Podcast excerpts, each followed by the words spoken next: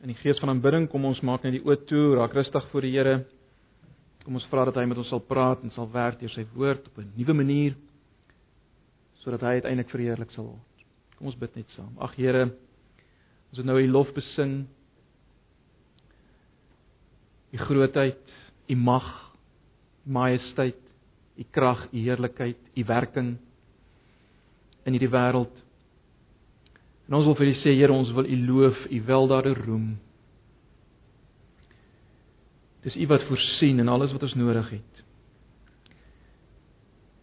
Ons dankie bo alles dat ons met vrymoedigheid na U kan kom in hierdie oggend. Nie omdat daar iets in ons is nie.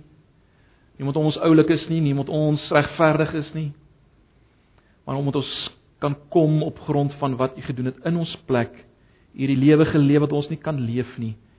Die straf gedra vir ons skuld. U die voorhangsel geskeur. Ons het toegang tot die Vader met vrymoedigheid.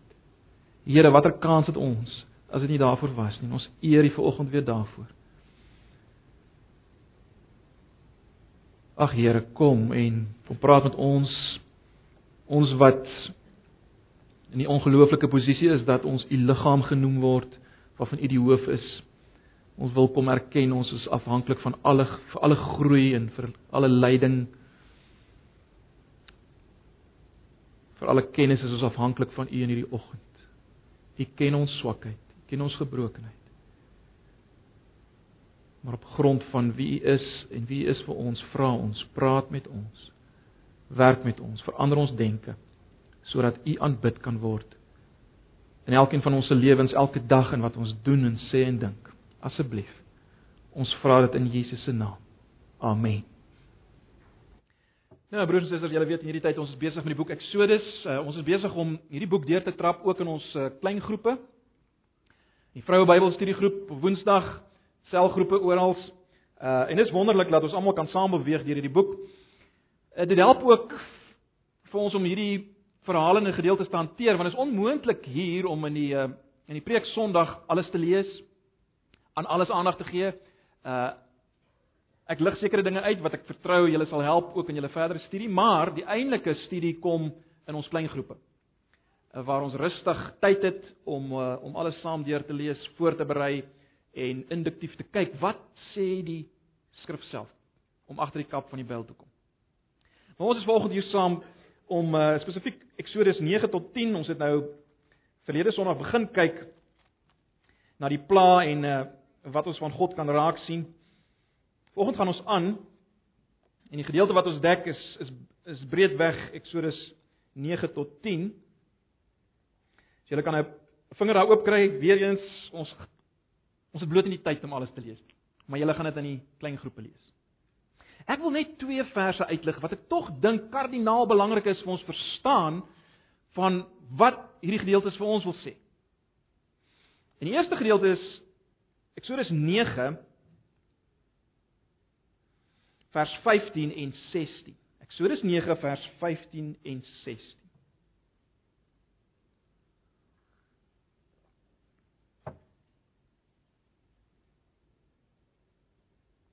Dis God wat praat met Farao.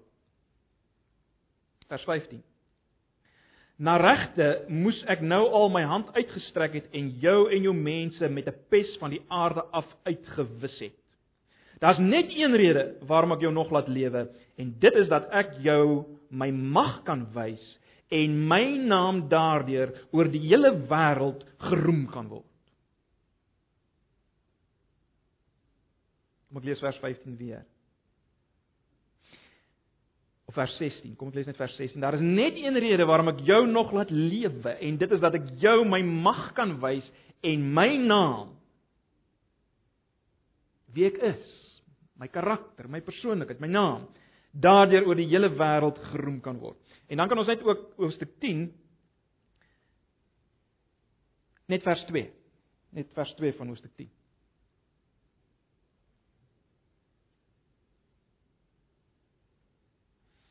Vers 2 van Hoofstuk 10. Dan kan jy aan jou kinders en kleinkinders vertel wat ek aan die Egiptenaars gedoen het en watter wonders ek onder hulle verrig het om julle te laat besef dat ek die Here is.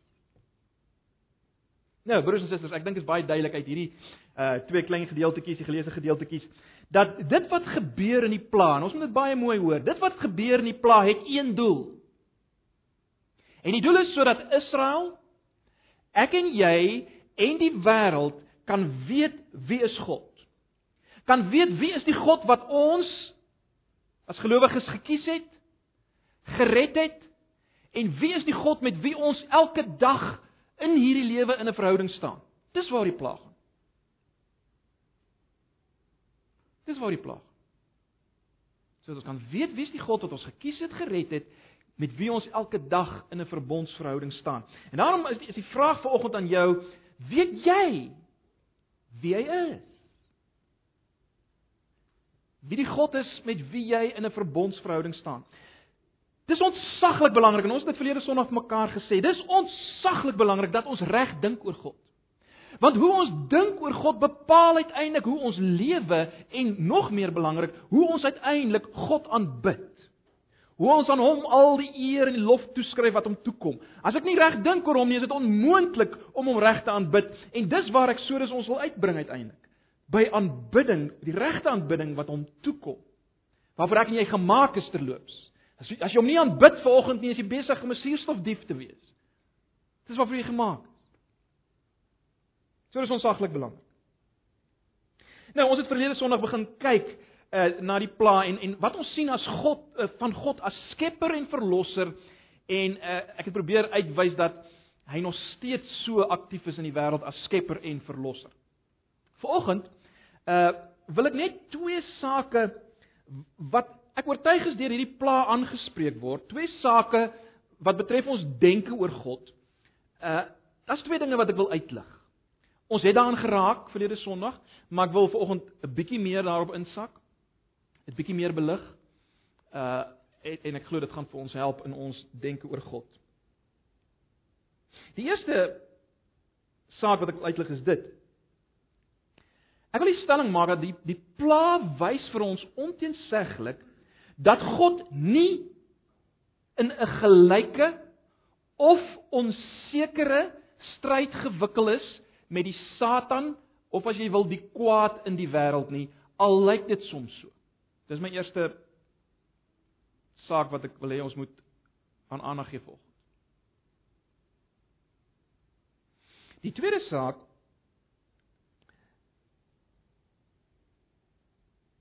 wat ek dink na vore kom in die plan waaraan ek wil aandag gee is hierdie vraag. Hierdie hele saak, as jy wil, naamlik dat God en ons geestelike lewe is nie beperk tot wat ek wil noem in aanhalingstekens die geestelike of die intellektuele van ons lewens nie. Ek glo die pla wys dit. En natuurlik as as God en ons Christelike lewe nie beperk is tot die geestelike en die intellektuele nie, wat is die implikasies vir ons sendingopdrag? Vir ons uitbeweeg as gemeente waaroor ons nou baie praat die laaste tyd. So wat gaan ons vanoggend doen?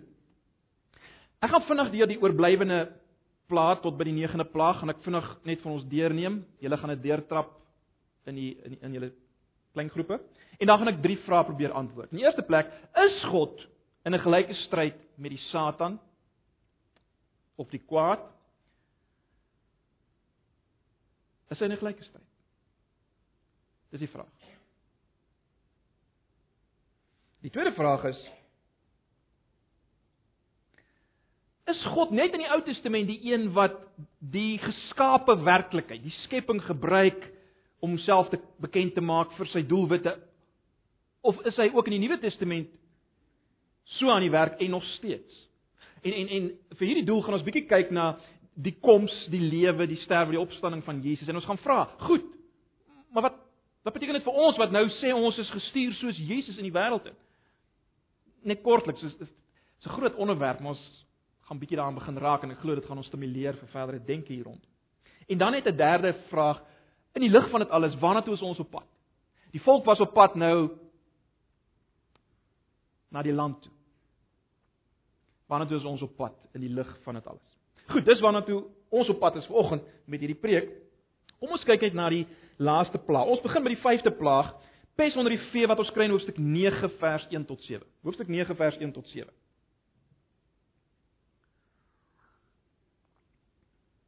Nou in hoofstuk 8 vers 19 is daar 'n verwysing na die feit dat die vinger van die Here die muggies gebring het uh oor die land. Hier in die oorspronklike vertaling, as jy 'n 53 vertaling het, sal jy dit sien, word daar verwys na die hand van die Here wat nou op die Egiptenare is. Die hand van die Here in vers 3. Nou baie interessant, hier is die eerste plaag. Hier kry ons die eerste plaag wat direk dood veroorsaak en hier is die eerste plaag wat direk teen die geskaapte dinge gerig is. Direk teen die geskaapte dinge gerig is. En dit is 'n onaangename aanduiding dat erger dinge gaan kom, naamlik die dood van die eersgeborenes. Baie interessant hier ook is dat die vee van die Israeliete kom niks oor nie. Het julle dit opgelet? Of julle sal dit oplet as julle dit weer gaan lees. Die vee van die Israeliete kom niks oor nie, maar wel die van die Egiptenare. Nou, dis belangrik veral omdat die Egiptenare se vee se diere is gesien as manifestasies van die gode. En weer eens, hulle vee word uitgewis nie die Israeliete se nie. Hierdie vee wat manifestasies van die gode is. In vers 7 uh is 'n tragiese aanhalingkie van van Farao wat uh gaan kyk of dit wat Moses gesê het werklik so gebeur het. Is dit net die Israeliete se vee wat nie getref is nie? Ehm uh, dit lyk asof sy selfvertroue nie meer heeltemal is wat dit moet wees nie, maar Farao nog steeds onbekeer. Goed, dis die 5de plaag. Die 6de plaag, swere. Hoofstuk 9 vers 8 tot 12. Hoofstuk 9 vers 8 tot 12. Nou hierdie plaag is die eerste demonstrasie aan die Egiptenare dat hulle lewens in gevaar is, né? Nee, daar was nou die daar was nou paras gewees en daar was insekte en daar was pla onder die vee, maar nou gaan hulle aan hulle liggame aan hulle liggame gaan hulle die teken van God se oordeel dra, swere. En hierdie hierdie is 'n konkrete stap in die rigting weer eens van die dood van die eersgeborenes, né? Nee. Ook interessant is dat hierdie plaag kom nie voort voor of van van die water of die stof van die aarde of uit die lug nie. Hierdie plaag kom voor uit die oonde van die uh of uit die roet van die oonde. Dis wat Moses moet strooi. Dit is baie interessant. Uh nou hierdie oonde is natuurlik die oonde waar die Israeliete die bakstene moes maak van die strooi wat hulle gebring het. God keer as te ware die Egiptenare se dade om, dit haal hulle in, hulle kry wat hulle verdien. Baie interessant. Hier ook sien is dat selfs die towenaars van Farao word getref in vers 11. Selfs die towenaars word getref. Met ander woorde, die towerkrag van die towenaars kan nie eers hulle self red nie, wat nog te sê enigiemand anders. Hulle word self getref deur hierdie swere. Nog iets wat vir die eerste keer hier voorkom, is dat Farao se verharding van sy hart word direk toegeskryf aan God wat sy hart verhard in vers 12. Vir die eerste keer direk God verhard Farao se hart. So dis die 6ste plaag, die 7de plaag. Hoofstuk 9 vers 13 tot 35. Ja, as sien, hier word nogal baie aandag aan hierdie plaag spandeer, is nogal 'n lekker lang gedeelte. Maar hier sou Farao nou die volle mag of die volle krag van God se mag beleef, né? Nee. Uh vers 14 in die letterlike vertaling klink so: Ek is op die punt om al my tekens na jou hart te stuur. Uh jy sou dit kon vertaal met ek gaan nou die volle impak jou laat tref.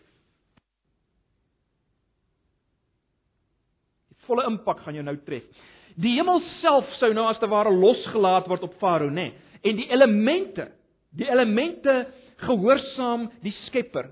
En baie spesifiek Het julle dit gesien in vers 26? Baie spesifiek. In die land Gosen sou daar nie haal wees nie. So die elemente wat in God se beheer is, gehoorsaam hom baie spesifiek. En en net in die land Gosen sou daar nie haal wees nie. Net daai deel. Skepper het mag daaroor. Ek het nou reeds gewys na vers 14 tot 16 waar dit wys dat die die ehm uh, die doelwit is om die hele aarde te laat weet wie is God. Ons het nou daar daarna verwys toe ons dit gelees het. Die aard van hierdie plaag is betekenisvol. Haal, haal in die Bybel word dikwels geassosieer met 'n daad van oordeel, net soos donderstorms, weerlig, vuur. En dit is baie duidelik, die oordeel oor Farao en Egipte gaan nou in 'n hoë rad in as ek dit so kan stel. Luister na vers 23 en Moses het sy staf na die hemel uitgesteek en die Here het donder en haal gegee en vuur het na die aarde uitgeskiet en die Here het haal op Egipteland laat reën. Farao baie interessant word hierdie kans gegee om sy vee na veiligheid te bring. Maar daar's geen aanleiding dat Farao gehoor daaraan gee nie. Waarskynlik uh was dit nog 'n toets om te kyk aanvaar Farao die gesag van die Here. Maar in vers 20 sien ons net die wat die Here gevrees het, het gehoor gegee daaraan. Farao nie, Farao nie. En dan kom hierdie plaag en dan sy vernietiging. Vers 22: Steek jou hand na die hemel uit en daar sal haal wees in die hele Egipteland oor mense en diere en oor al die plante van die veld in Egipteland. En in vers 25 word daar nog 'n sterker woord in die Hebreëus gebruik wat werk wat wat, wat in werklikheid dui op dit sal pap geslaan word. Alles sal pap geslaan word. En dan in vers 27 Dan in vers 27 lyk dit asof Farao bekeer. Let op my woorde, dit lyk so. Hy bely selfs dat hy gesondig het en dat die Here reg gesê na die volk verkeerd is. Baie interessant. Dit lyk met ander woorde asof hy nou die volk sal laat gaan. Maar vers 34 wys dit was vals. Moses in vers 30 sin speel alreeds op die feit dat Farao leienaar is. Uh, as hy sê wel, jy het nie ontzag vir God nie al praat jy so. En dis presies wat dit was, Farao se leenaar. Maar broers en susters, baie belangrik, nie die Here of Moses is onkant gevang deur hierdie leen van Farao nie. Nie nie Moses of die Here is onkant gevang deur Farao se reaksie hierdie. Luister net weer na vers 12 van hoofstuk 9.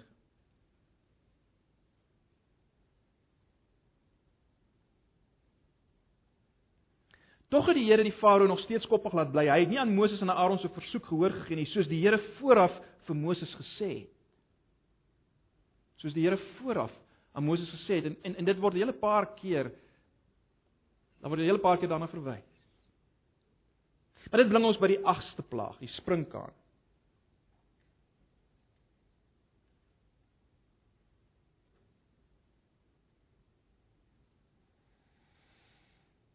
Nou hierdie laaste 3 plaae kan mens amper sê neem die plaae na 'n 'n vlak van onomkeerbaarheid. Hier is ook geen kans meer vir Farao om sy hart te verander nie. Trouwens die die die hierdie plaag begin uh om te sê dat die Here Farao se hart verhard het in die in die letterlike vertaling. Die Here het sy hart verhard. Hoofstuk 10 vers 1. Die haal en die sprinkane is natuurlik dieselfde wat twee dinge betref. Dit veroorsaak wyd verspreide vernietiging op mense, op diere en op die oeste. En uh, nog 'n ding wat hulle in gemeen het, beide van van hierdie dinge, sprinkane en haal, is forme van oordeel wat ook in ander dele van die skrif voorkom. Die woorde wat hier gebruik word herinner ook sterk aan Genesis 1 en 2. Weereens God is in beheer van die hele skepping. En dan is dit interessant, hierdie sprinkaanplaag gee 'n voorafskaduwing van wat nog gaan kom. Dit word verbind aan wat nog gaan kom. Ons kan amper sê God gebruik hierdie sprinkaanplaag om te sê wat hy nog gaan doen op 'n baie interessante manier. Ek weet nie of julle dit al opgelet het. Dit is baie interessant, die sprinkane kom na die land deur die ooste wind in vers 13. Die sprinkane kom na die land deur die ooste wind. En dit is daai selfde ooste wind wat weer die Rooi See skei in hoofstuk 14 vers 21. So hier's 'n vooraf prentjie van wat gaan gebeur.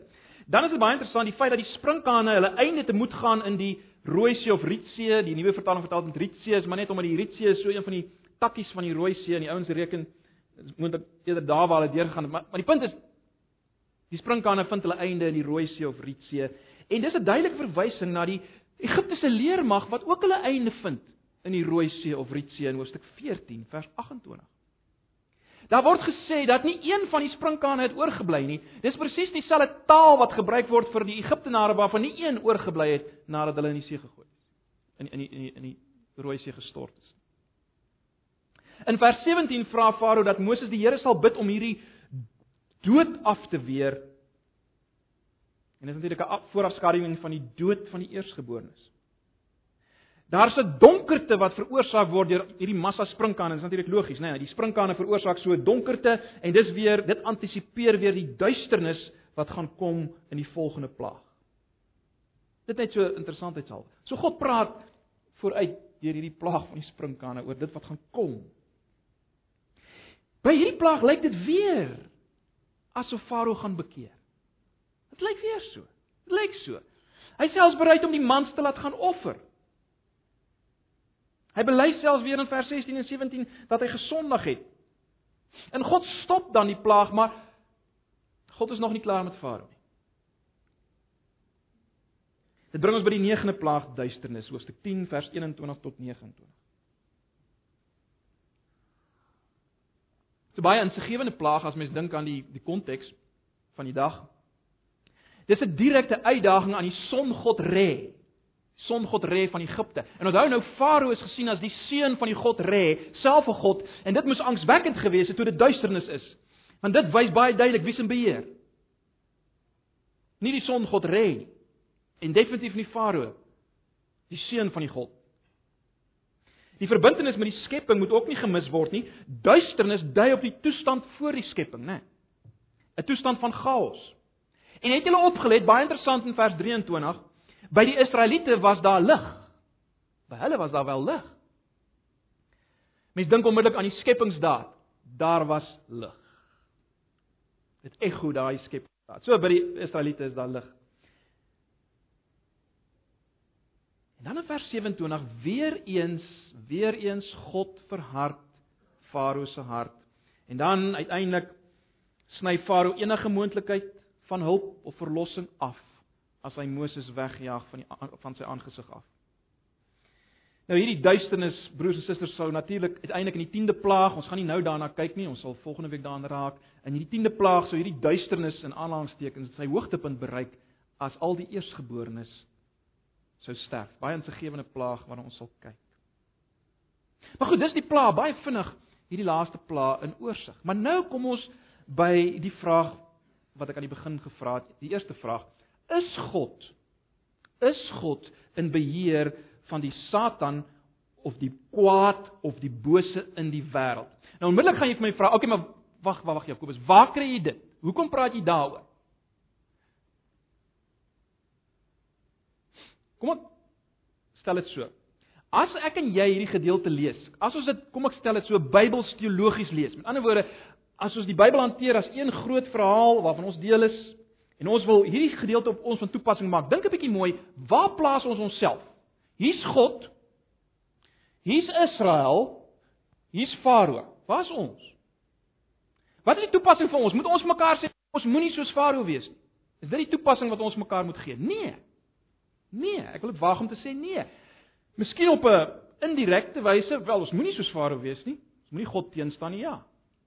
Maar broers en susters, as ons daarna kyk as geheel, hier's God, hier's Israel, hier's die Farao. Wat is die toepassing? Hoe moet ons daarna kyk?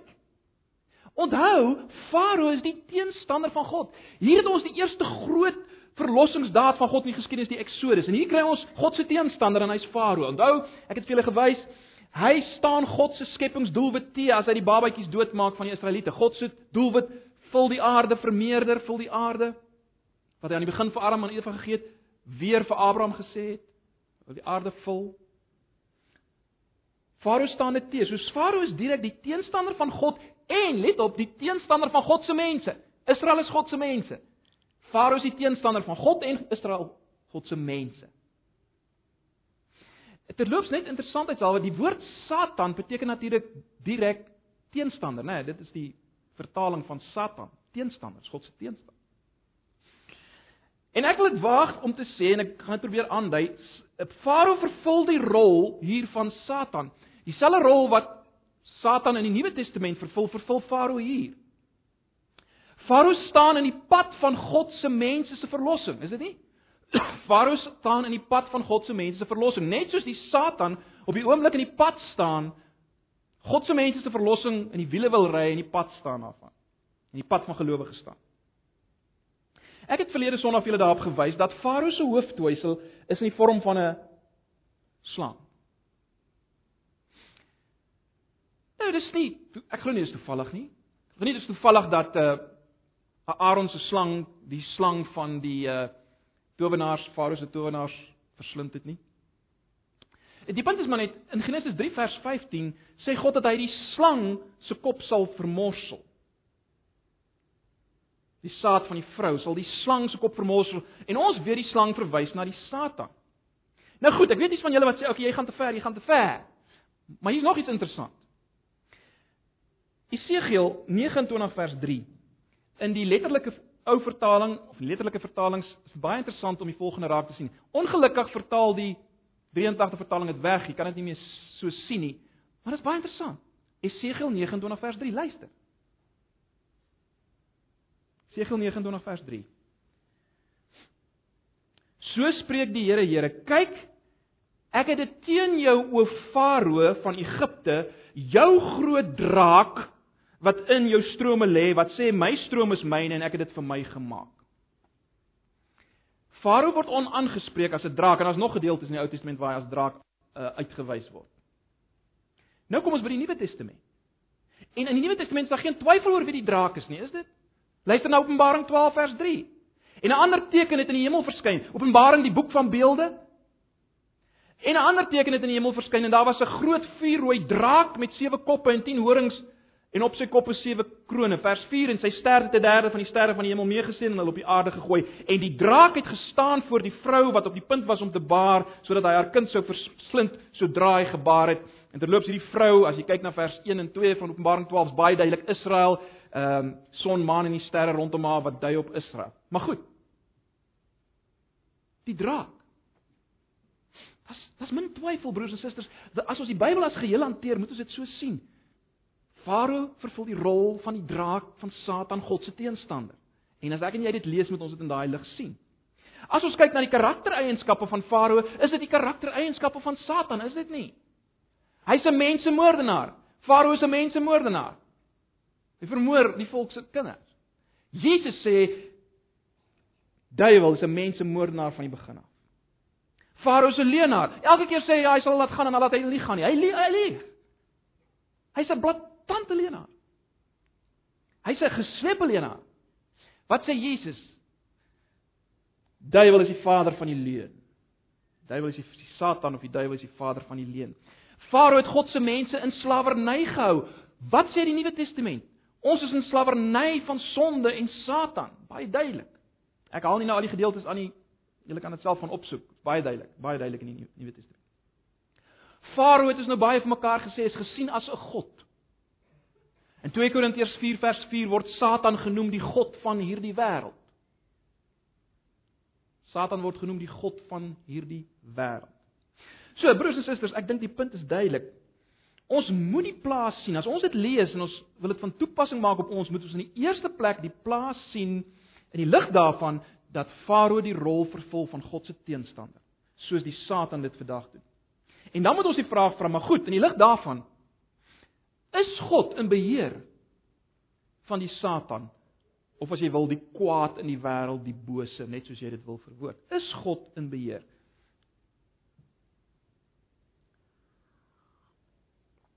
Nou ek weet nie of julle sal saamstem nie, maar maar ek kry dikwels die indruk vandag was dalk 'n bietjie erger 'n paar jaar gelede selfs.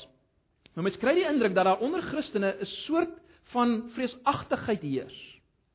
Die wêreld word al meer gesien as 'n gevegsarena waar daar 'n stryd is tussen God en die Satan, 'n gelyke stryd en en ons deelname is deurslaggewend vir wie gaan wen.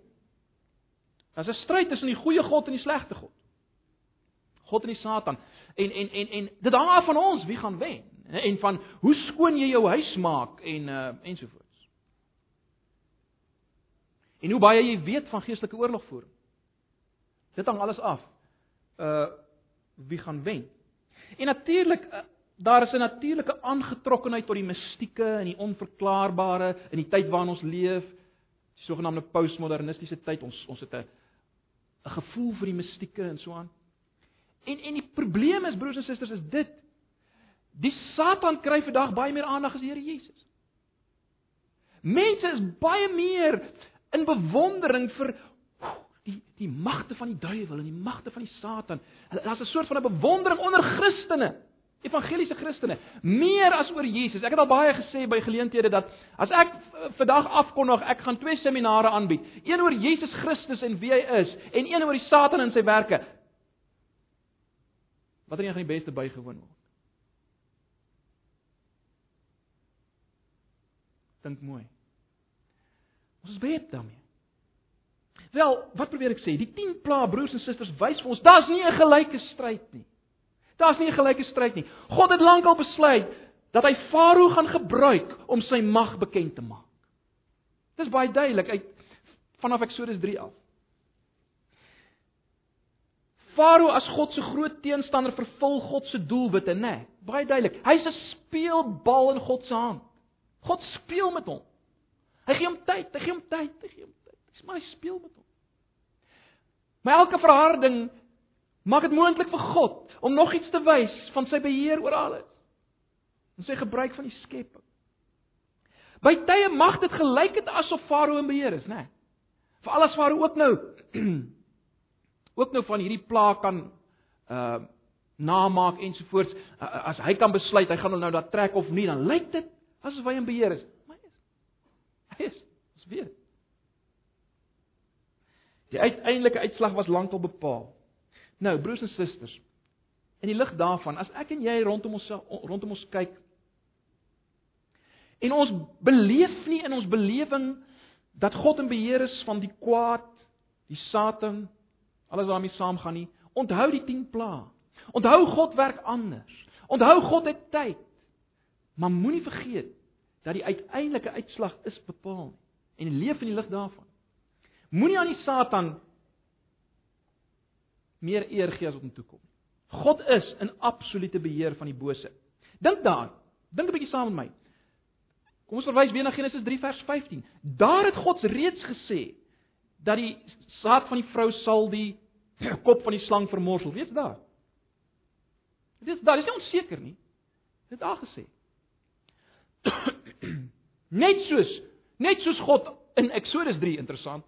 Net soos God in Eksodus 3 vir Moses sê Farao gaan julle nie laat trek nie.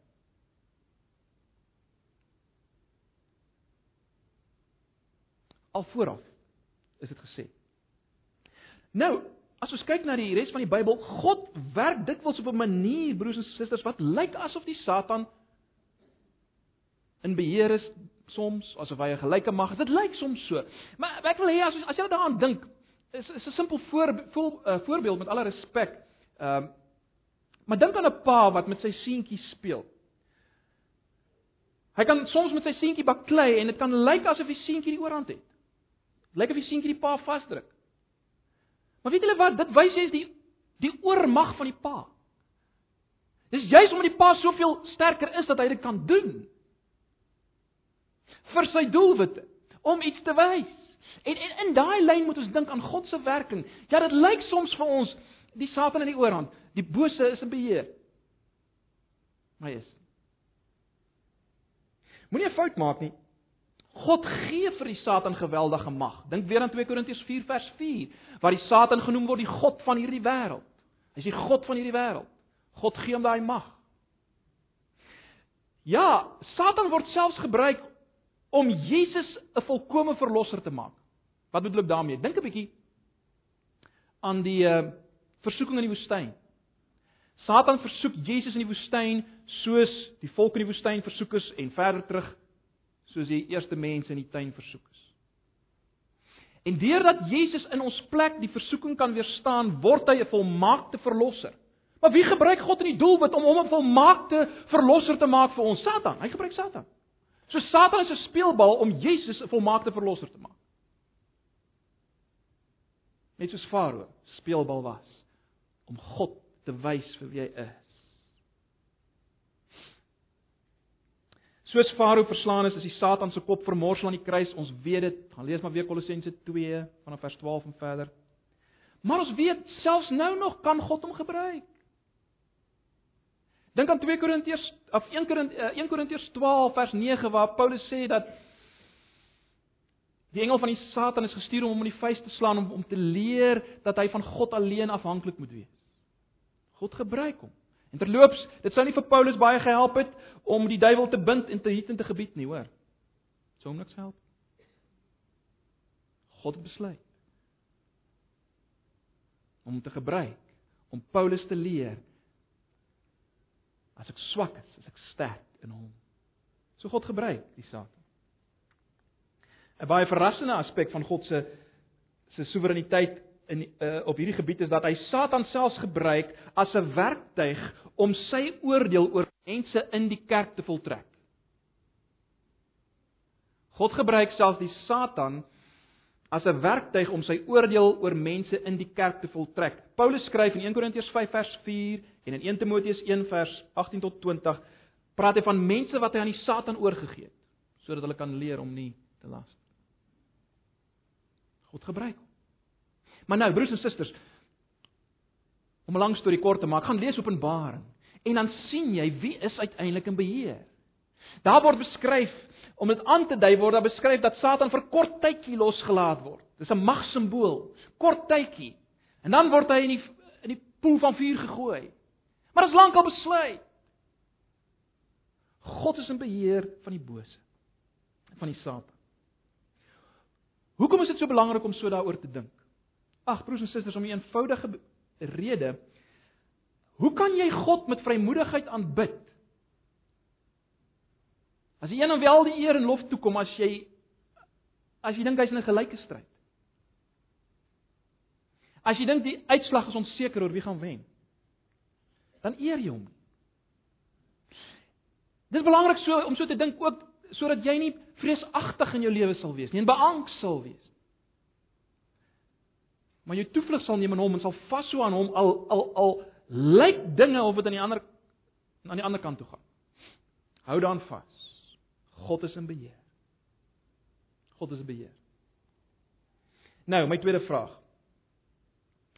Is God se werking in hierdie wêreld, die openbaring van homself, is dit beperk tot die intellektuele of die geestelike? Wel, die pla wys vir ons dat God werk absoluut met die geskape werklikheid, né? Hy gebruik van muggies tot menslike lewe tot dood is in sy mag. Die pla wys dit. Maar die vraag is dit was in die Ou Testament.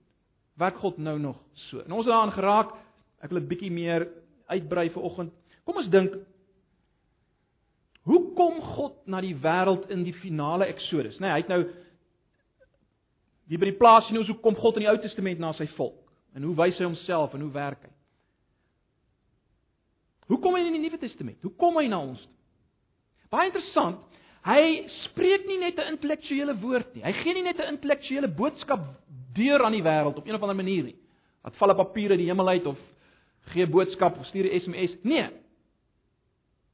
God se woord word mens, 'n geskape mens.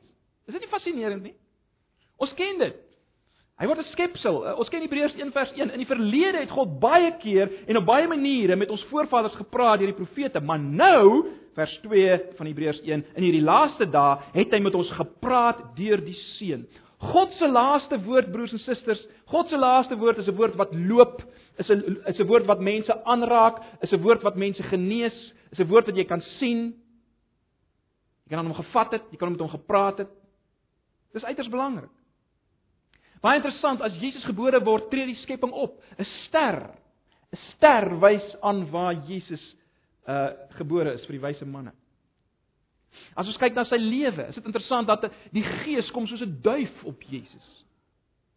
Jesus se eerste wonder, hy verander water in wyn en terloops, hy dui daaraan hy dui daaraan dat hy die skepping gaan omkeer. Maar goed, as ons verder na Jesus kyk, hy loop op die water. Hy beveel die storm om stil te word. Hy voorsien in mense se honger deur brood en vis te vermeerder. Hy laat 'n vrye boom verdor. Hy raak melaatses aan. Hy gebruik modder, spoeg op modder en maak dit aan en sit dit op 'n ou se oë dat hy kan sien. Gebruik geskape dinge. Jy sien, soos die God van die plaas het hy die skepping tot sy beskikking. Hy kan die skepping gebruik om sy mense te seën om sy mense te verlos, om sy mense te leer. Jesus doen dit.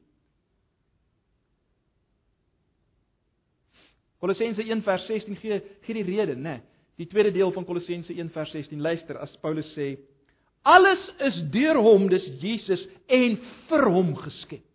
Alles, alles is deur hom en vir hom geskep. Alles, elke atoom, elke planeet, elke dier, elke insek, elke molekuule. Alles.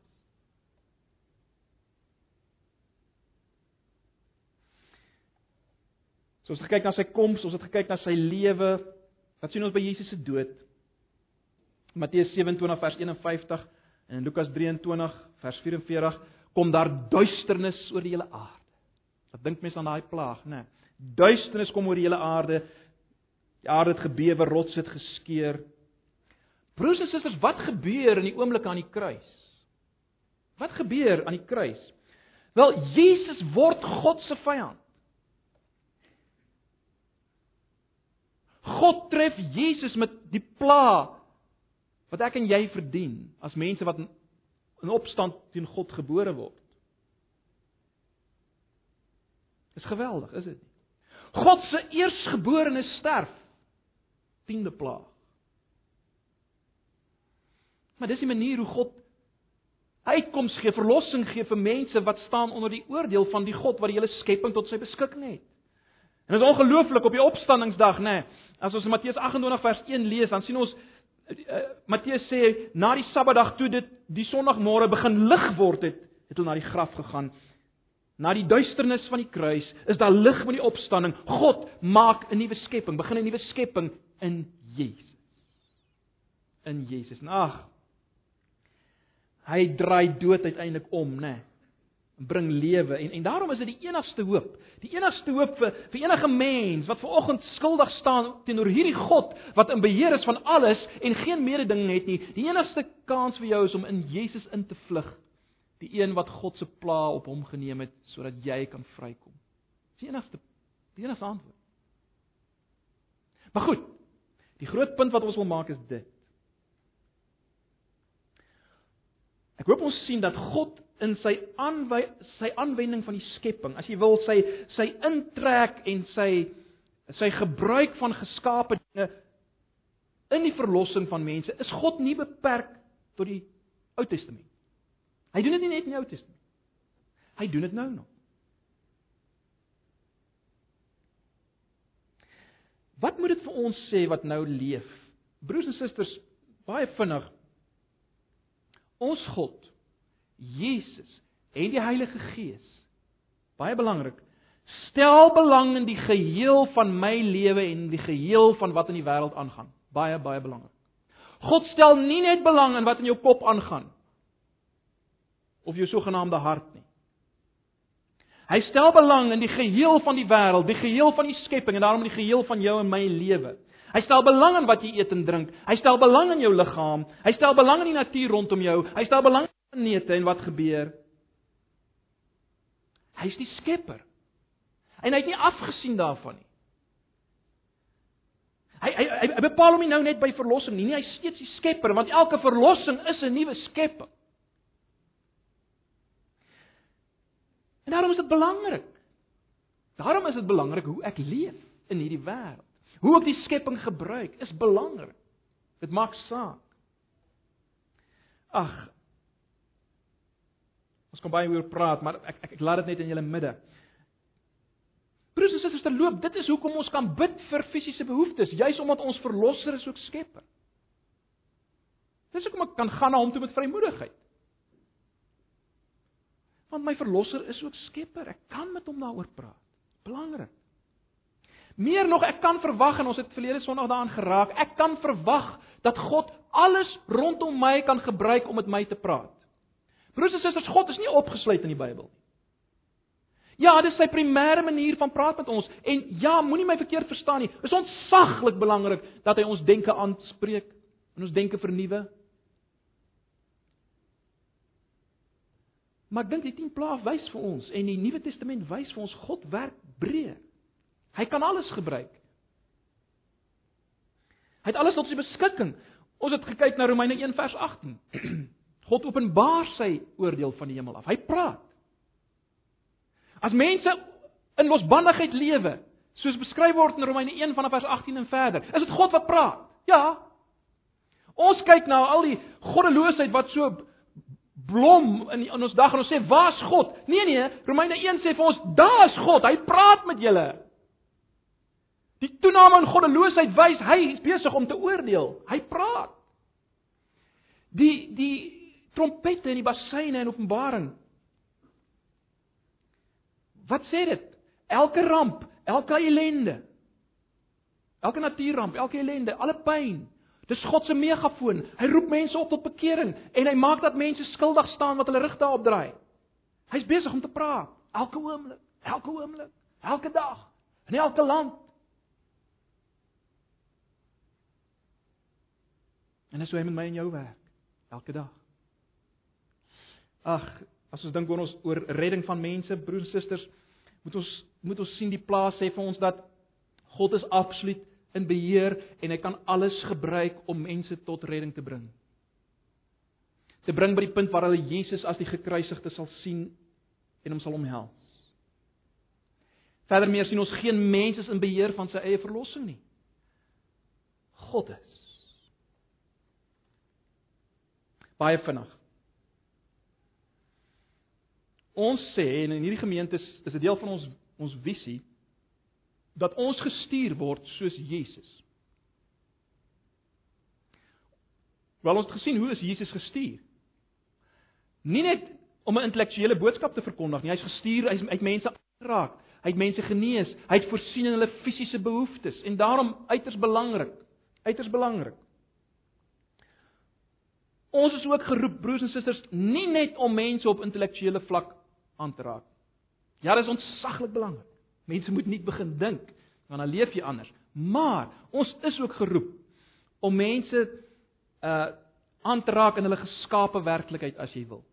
En daarom is Pretoria Wes so 'n wonderlike geleentheid, 'n uitreik geleentheid. Dit is belangrik om vir mense kos te gee. Moenie laat iemand vir jou sê nee man, ons moenie vir hulle kos gee, ons moet net vir die evangelie bring. Dis nonsens. Dis nie hoe Jesus gewerk het nie. Hy het die geheel van die mense aangespreek. Hy het hulle aangeraak en genees en gevoed en die koninkryk gaan hand aan hand. Gaan hand aan hand.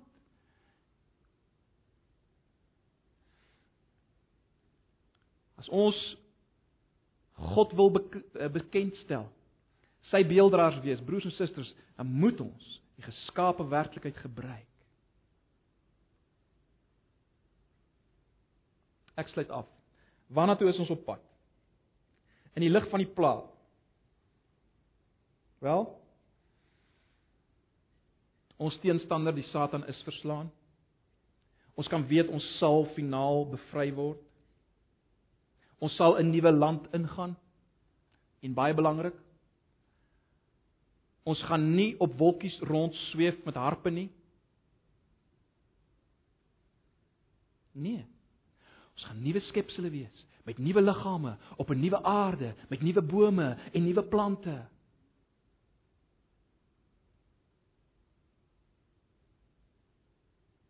Luister weer na Romeine 8 vanaf vers 18. Ek is daarvan oortuig dat die lyding wat ons nou moet verduur, nie opweeg teen die heerlikheid wat God vir ons in die toekoms sal laat aanbreek nie. Die skepping sien met gespanne verwagting daarna uit dat God bekend sal maak wie sy kinders is. Die skepping is immers nog aan verydeling onderworpe, nie uit eie keuse nie, maar omdat God dit daarin onderwerp het. Daarby het hy die belofte van hoop gegee. Die skepping sal self ook bevry word van sy verslawing van verganklikheid om so tot die vryheid te kom van die heerlikheid waaraan die kinders van God deel sal hê. Nuwe mense op 'n nuwe aarde, dis wanneer die skepping uitsien. Want dan weer die skepping gaan hy bly staan. As 'n nuwe mens.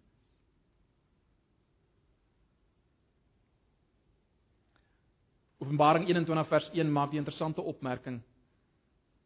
As Johannes iets sien van die nuwe hemel en nuwe aarde, dan sê hy en daar was geen see meer nie. Vir ons maak dit nie sin nie. Maar dit maak dit sin gemaak vir die vir die mense in die Bybelse tyd wat die see gesien het as die groot teenstander, as as as 'n chaos mag wat weer die skepping wil terugbring na voor die tyd van die skepping. En nou kom Openbaring sê en sê daar sal nie meer see wees nie. Daar gaan nie meer bedreiging wees nie. Daar gaan nie meer 'n teenstander wees nie. En ons weet alle trane gaan afgevee word Pyn en swaar kry sal daar nie meer wees nie. Ag broers en susters.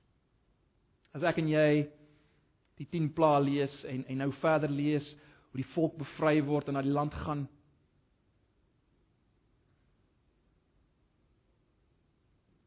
Dis waarmee besig is met ons. Dis waarna ons op is. Nuwe land, nuwe skepping. Ag broers en susters, ek sluit af. Ons dien 'n ongelooflike God.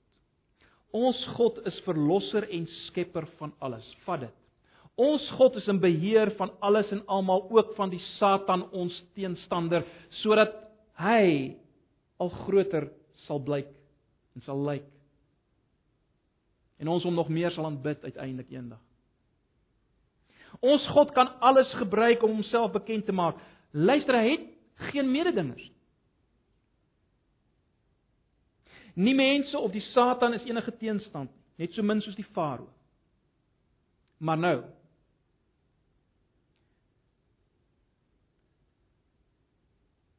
Nie aan hom behoort nie, as jy nie aan hom vashou vir vir finale verlossing nie.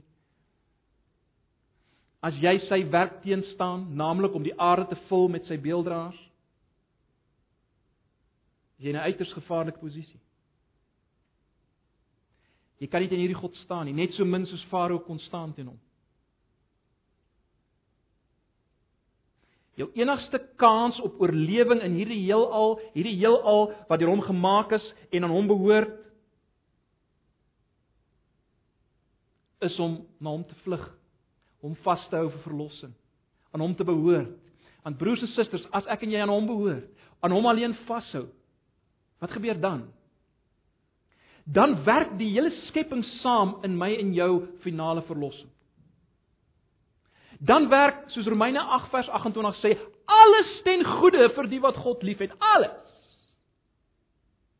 Hoe kan jy waag om nie aan hom te behoort nie? Om nie aan hom vas te hou nie. As jy hom behoort, werk alles saam vir jou, elke molekuule, elke deeltjie in die skepping. Ah, Daarom is my gebed dat nie een van ons hom sal teenstaan. Hom sal verwerp. Terug op hom sal draai. Maar dat elkeen van ons sal buig vir hom. Jesus sal omhels wat 'n volmaakte verlossing bewerk. Ag, mag die Here ons ons denke vernuwe. Ook dit wat ons vanoggend gesien het. Kom ons bid saam. Ag Here, baie dankie vir u woord. Dankie dat U ons ook in hierdie jaar dwing om te kyk na gedeeltes wat ons waarskynlik nie en ek moet dit bely van self sou na gekyk het nie. Maar dankie dat U Uself aan ons openbaar. Wys wie U is. Ons eer U daarvoor. Ek wil bid vir oggend vir elkeen wat hier sit. Ek wil bid vir elkeen wat in hierdie oggend twyfel het, onsekerheid het oor U. Raak hulle aan. Ek wil bid vir elke een wat volgens hier sit wat u nog nie werklik ken nie, wat u nog teenstaan. Ek wil bid dat u nou sy of haar hart sal werk en ons sal omkeer deur deur wie u is. Asseblief. Verheerlik u self in Jesus se naam. Amen.